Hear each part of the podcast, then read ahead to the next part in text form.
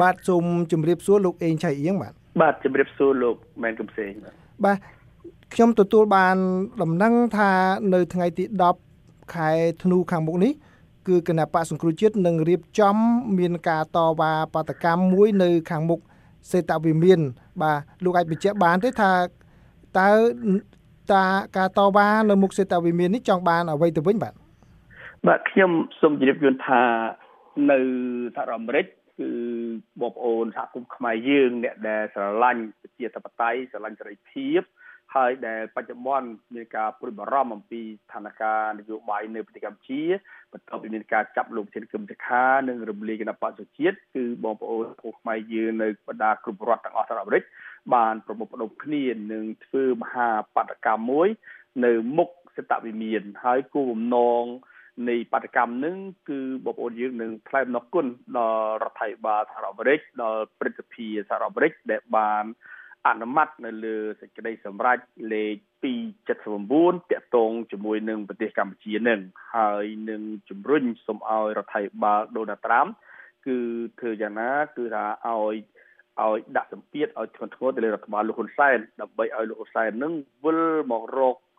ថាមករកផ្លូវវិជ្ជមានវិញកុំឲ្យគាត់តែដើរឆ្ងាយចេញនៅកម្ពុជាទៅទៅរកអារបបថាអធិការអារបបដែលជាអតីតកាលដ៏កខ្វក់ក្រោយតែក្រោយឆ្នាំ79នឹងបាទបាទសូមអរគុណលោកច្រើនតើតើជាមួយនឹងការថ្លែងអំណរគុណខាងសហរដ្ឋអាមេរិកនេះខ្ញុំចង់ឆ្លៀតឱកាសនេះឲ្យលោកជម្រាបផងដែរតើមកដល់ពេលនេះបណ្ដាប្រទេសធំធំនឹងបាន ដាក់សម្ពាធឬក៏បង្ហាញការគ្រប់គ្រងយ៉ាងម៉េចខ្លះចំពោះគណៈបកសង្គ្រោះជាតិនឹងបាទបាទយើងបានឃើញទាំងអស់គ្នាហើយគឺក្រោយពេលដែលលោកហ៊ុនសែនបានប្រើប្រាស់តឡាការដែលជាអាយ៉ងរបស់ខ្លួន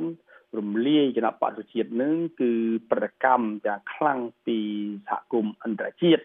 ដែលជាប្រទេសដែលជាហត្ថលេខីនៃកិច្ច ប្រពៃណីប៉ារីក្នុងនោះគឺសហរដ្ឋអាមេរិកសហរដ្ឋអាមេរិកគឺតាំងពីព្រឹទ្ធសភារដ្ឋសភារហូតដល់រដ្ឋាភិបាលសហរដ្ឋអាមេរិកនឹងក៏បានថ្លែងការណ៍ហើយក៏បានគម្រាមហើយពមៀនរហូតដល់បានអនុម័តជាឯកច្ឆ័ន្ទនៅសេចក្តីសម្រេចលេខ279របស់ដែលព្រួយផ្ដាប់ឡើងដោយព្រឹទ្ធសមាជិក John McCain ហើយនិងលោកបាទ Dick Durbin បាទបានចេញហើយនៅទី ការនៅទីការអនុវត្តជាក់ស្ដែងទេហើយដោយឡែកសម្រាប់សហភាពអឺរ៉ុបក៏មុនដែលកាលពីចុងខែតុលានឹងគឺគេបានបញ្ជូនប្រតិភូ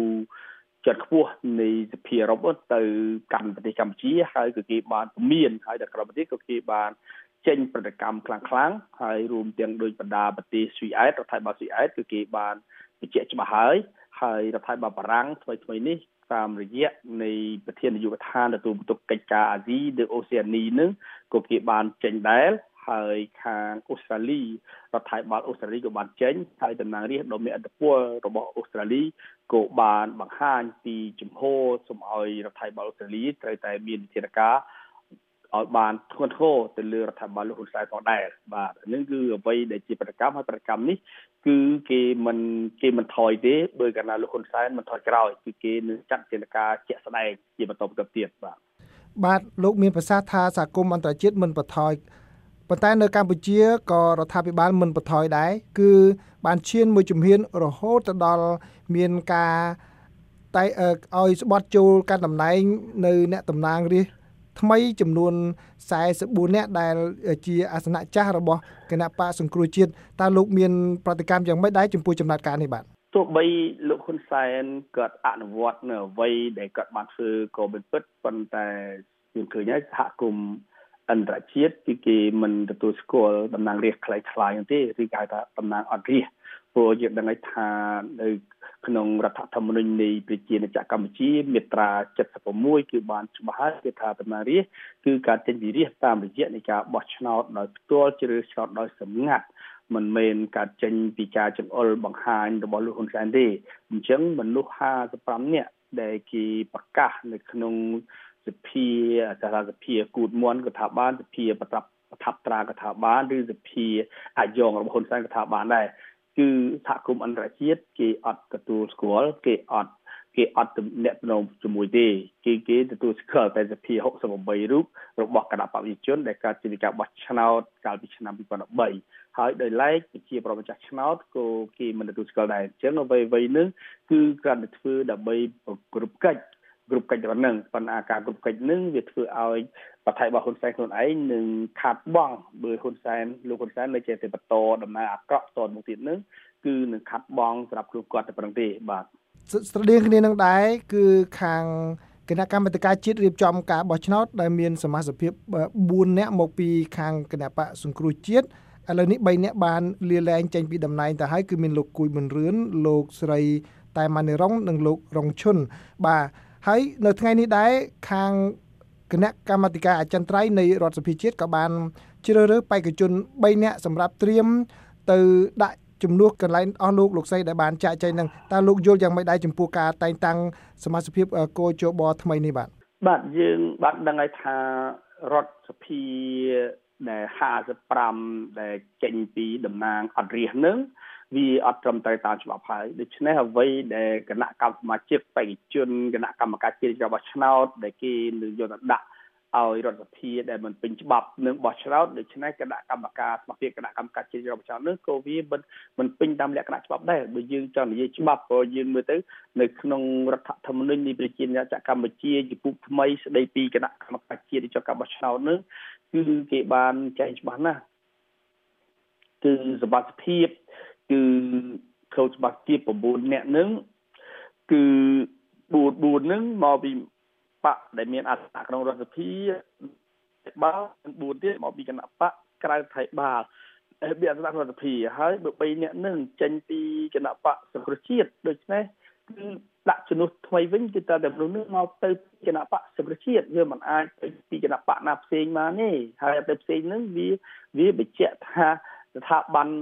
កោជបនឹងវាជាស្ថាប័នមួយវាអត់មានពេញលក្ខណៈច្បាប់ទេបាទអានឹងគឺជាចំណុចដែលសំខាន់នឹងចឹងហើយបានថាទោះបីលោកហ៊ុនសែនខំពេញបែបបត់អីដើម្បីឲ្យទៅតាមអ្វីដែលដែលគាត់ចង់បាននឹងក៏ដោយប៉ុន្តែការបោះឆ្នោតឆ្នាំ2018នេះបើកាលណាអត់មានគណៈបកសង្គ្រោះជាតិចូលរួមទេ គឺការបោះឆ្នោតនឹងគឺសហគមន៍អន្តរជាតិគេអត់ទទួលស្គាល់ទេគេអត់ទទួលស្គាល់ហើយរដ្ឋាភិបាលដែលកើតចេញពីការបោះឆ្នោតលីសាយបែបនេះក៏គេមិនទទួលស្គាល់ដែរ អញ្ចឹងហ៊ុនសែនគាត់កាត់តែឯកោហើយដូច្នេះដើម្បីចង់ឲ្យចង់ឲ្យការបោះឆ្នោតឆ្នាំ2018មានការទទួលស្គាល់តើលោកហ៊ុនសែននឹងត្រូវតែលុបចោលនៅសេចក្តីសម្រេចនៃការរំលាយគណៈបកសិទ្ធិជាតិហើយដោះលែងលោកកឹមសុខា និងអ្នកទស្សនយោបាយទាំងអស់បើកឱកាសឲ្យប្រព័ន្ធផ្សព្វផ្សាយឯករាជ្យអាចធ្វើសកម្មភាពបានដោយសេរីវិញឲ្យអង្គការសង្គមស៊ីវិលធ្វើសកម្មភាពធ្វើយ៉ាងណាឲ្យបរិយាកាសនោះដូចកាល មុនឆ្នាំកាលពីឆ្នាំដូចឆ្នាំ2015នឹងពេលនោះឯងដោយការបោះឆ្នោតមួយដែលគេអាចទទួលយកបាននឹងប៉ុន្តែបើសិនជាអត់ទេគឺសហគមន៍អន្តរជាតិជាពិសេសគឺសហគមន៍ដែលមកពីបណ្ដាប្រទេសលោកខាងលិចប្រទេសសេរីដែលគ្រប់សិមនុស្សគ្រប់ប្រជាធិបតេយ្យនឹងគឺគេមិនអាចទទួលស្គាល់បានទេបាទកាលពីថ្ងៃម្សិលមិញលោកឯកអគ្គរដ្ឋទូតសហរដ្ឋអាមេរិកបានថ្លែងជាសាធារណៈ ក្នុងបទសម្ភាសន៍ជាមួយនឹង VOA ហើយលោកបាននិយាយដោយត្រង់ក្នុងភាសាសាមញ្ញដោយមិនប្រើពាក្យការទូទេ គឺលោកបានបង្ហាញនៅការសង្កេតរបស់លោកថារដ្ឋាភិបាលកម្ពុជាហាក់ដូចជាមិនមានចេតនានៅក្នុងការរក្សាទំនាក់ទំនងល្អជាមួយនឹងសហរដ្ឋអាមេរិកទេហើយនៅក្នុងបទសម្ភាសន៍នោះដែរលោកក៏បានបដិសេធនៅការចូលពាក់ព័ន្ធនៅពីខាងក្រោយគណៈបកសង្គ្រោះជាតិដែលថាមានបដិវត្តពណ៌ អីហ្នឹងដែលតាមតុលាការចោទប្រកាន់តើមកដល់ពេលនេះតើលោកអាចវាតម្លៃបានយ៉ាងម៉េចដែរទី1ចំពោះការចោតប្រកាន់នឹងទី2ចំពោះការដែលប្រទេសកម្ពុជាហាក់ដូចជាមិនមានមិនចង់មានតំណែងតំណងល្អជាមួយនឹងសហរដ្ឋអាមេរិកដោយដែលលោកឯកអគ្គរដ្ឋទូតបានលើកឡើងនោះបាទខ្ញុំបានកត់សម្គាល់ឃើញថាលោកហ៊ុនសែនចិត្តក៏អត់សឿមព្រោះគាត់បានចោតប្រកាន់គណៈបកប្រជាជាតិ គាត់ចោទប្រកាន់លោកប្រធានគឹមសុខាភ្ជាប់ជាមួយសហរដ្ឋអាមេរិកហើយគាត់ក៏ញយដងគាត់តែងតែថ្លែងថ្លែងការណ៍ថ្កោលទោសសហរដ្ឋអាមេរិកប៉ុន្តែចិត្តគាត់អត់ជឿគាត់អត់ហ៊ានធ្វើកំណត់ការទូតអ្វីដែលគាត់ថ្លែងការណ៍កតបកម្មនេះគាត់អត់ហ៊ានធ្វើកំណត់ការទូតជាផ្លូវការមករដ្ឋបាលអាមេរិកឬក៏បណ្ដេញទូតអាមេរិកកាំងចេញពីប្រទេសកម្ពុជាព្រោះយើងមើលឃើញអ្វីដែលជាទង្វើដែលគាត់និយាយនឹងណា គឺគាត់មិនគួរឲ្យអាមេរិកកាំងភ្ជាប់ពីក្នុងការទូតជាមួយអាមេរិកទេព្រោះបើគាត់តាមគាត់ចាំគាត់ចាត់ទុកអាមេរិកនឹងគឺថាជាមេខ្លោងមេខ្លោងនៃការប៉ុនប៉ងផ្ដួលរំលំរូបគាត់ប៉ុន្តែគាត់ចាត់អត់ជឿទេគាត់ជាក់ស្ដែងយើងឃើញពេលគាត់ទៅចូលប្រជុំនៅវៀតណាមប្រជុំអេប៉ិចនៅវៀតណាមប្រជុំកម្ពុជាអាស៊ានហ្នឹងគាត់បានស្វះស្វែងទៅរកចាប់ដៃចាប់ជើងលោកដូណាល់ត្រាំ ដូណាល់ត្រាំហើយដល់នេះវាផ្ទុយពីអ្វីដែលគាត់ថ្លែងនឹងបាទអាចំណុចហ្នឹងគឺយើងឃើញថាអ្វីក៏ដោយអ្វីដែលគាត់ធ្វើនឹងគឺគាត់គាត់ได้បង្ហាញពីអាថាចរិតហាចរិតខាងក្រៅទេប៉ុន្តែធៀបពិតគាត់មិនហ៊ានបោះបង់ចោលអាមេរិកទេបើគាត់ចិត្តសឿងគឺគាត់ត្រូវតែដេញទូតអាមេរិកចេញឬដកទូតខ្មែរចេញពីអាមេរិកវិញណាអានេះបើតាមទម្ងន់ទៅតាមអ្វីដែលគាត់បាន ចាត់ទុកថាអាមេរិកនឹងជាមេខ្លោងនឹងបាទប៉ុន្តែផ្អែកទៅតាមប្រសាសន៍នៅក្នុងសន្ទរកថាដែលបានចែកទូលំទូលាយយើងមិនអាចបញ្ជាក់បានថាតើលោកហ៊ុនសែនលោកបានថ្លែងអញ្ចឹងមែននៅមុខលោកត្រាំឬក៏យ៉ាងម៉េចពីព្រោះនេះគឺជាការបែងចែកពីបែកធ្លាយពីខាងប្រពន្ធរដ្ឋាភិបាលវិញគឺលោកហ៊ុនសែនបាន ថ្លែងដូចជាគេថាប្តឹងទៅលោកដូណាល់ត្រាំថាលោកពេញចិត្តស្រឡាញ់លោកដូណាល់ត្រាំប៉ុន្តែលោកមិនពេញចិត្តនឹងទង្វើរបស់ខាងមន្ត្រីទូតឬក៏ក្រសួងការបរទេសរបស់សហរដ្ឋអាមេរិកដែលនៅតែរក្សាគោលជំហរចាស់ដែរនោះបាទបាទអញ្ចឹងហើយបានយើងមើលឃើញលោកហ៊ុនសែនរបៀបដឹកនាំរបស់គាត់គាត់មិនសូវបានយកគោលការណ៍យកគោលការណ៍ ឬក៏ច្បាប់ដែលមានលក្ខណៈបំរើប្រយោជន៍សាធារណៈដើម្បីទៅអនុវត្តរៀបចំប្រទេសកម្ពុជាទេគាត់ច្រើនយករឿងបុគ្គលយករឿងផ្ទាល់ខ្លួនយកអីទៅធ្វើវិញអានឹងឯងដែលបានធ្វើឲ្យប្រទេសកម្ពុជាយើងមិនអាចដើរទាន់គេហើយគឺប្រទេសកម្ពុជាស្ថិតនៅក្នុងភាពអន់ថយអញ្ចឹងបើយើងស្ដាប់សន្ទរកថារបស់គាត់ដែលប្រព័ន្ធផ្សព្វផ្សាយរបស់គាត់បានយកទៅផ្សាយនៅដែលគាត់និយាយនៅហ្វីលីពីននេះគឺបង្ហាញឃើញថា គាត់តំណាងឲ្យប្រទេសកម្ពុជាមួយទាំងមូលគាត់អត់មានយកឬប្រទេសកម្ពុជានឹងយកផលប្រយោជន៍របស់កម្ពុជាផលប្រយោជន៍របស់ប្រជាខ្មែរនឹងមកនិយាយដើម្បីឲ្យប្រោះផលចំណេញឲ្យប្រជាខ្មែរទេគាត់និយាយឬផ្ទាល់ខ្លួនគាត់ឬមនោចេតនារវាងគាត់ជាមួយដុលណាត្រាំរឿងអីគាត់ឯណានេះទៅវិញអានឹងយើងមានការសោកស្ដាយណាប្រជាប្រដ្ឋខ្មែរយើង5 6 10លាននាក់យើងរកមនុស្សម្នាក់ដើម្បីឲ្យ យើងទុកសុខចិត្តទុកឲ្យមនុស្សម្នាក់ធ្វើអីតាមអំពើចិត្តបែបនេះណាវាគួរឲ្យសោកស្ដាយចឹងហើយបានថាខ្ញុំតែនិយាយថានៅក្នុងគ្រួសារមួយទោះបីមានគ្នា4 5នាក់ក៏សេចក្តីសម្រេចរបស់គ្រួសារនឹងក៏គេមិនដែលទុកឲ្យមនុស្សម្នាក់ជាពុកឬជាម្ដាយសម្រេចដែរគេត្រូវតែជជែកផ្ទៃក្នុងក្នុងគ្រួសារដោយឡែកប្រទេសកម្ពុជាយើងអភ័ព្វជាងគេណាគឺប្រជាប្រដ្ឋខ្មែរ5 10លាននាក់ហើយអត់មានពីណាហ៊ាន ហ៊ានចូលរួមធ្វើអីសម្រាប់គឺទុកឲ្យមនុស្សម្នាក់ធ្វើព្យុះធ្វើភ្លឺតាមអំពើចិត្តអញ្ចឹងហើយបានប្រទេសកម្ពុជាយើងនឹងវាដើរទៅមុខមិនរួចហើយវាកាន់តែឯកោនៅលើឆាកអន្តរជាតិឥឡូវដល់ឯកោលឆាកអន្តរជាតិគឺយើងកំពុងស្ថិតនៅក្នុងក្បែរទៅក្បែរប្រទេសចិនវិញហើយបើយើងស្ដាប់អ្វីដែលមេដឹកនាំចិននិយាយនឹងគឺយើងមានការព្រួយបារម្ភណាព្រោះយើងដឹងហើយថាសម័យ3ឆ្នាំ8ខែនឹងគឺដោយសារតែការ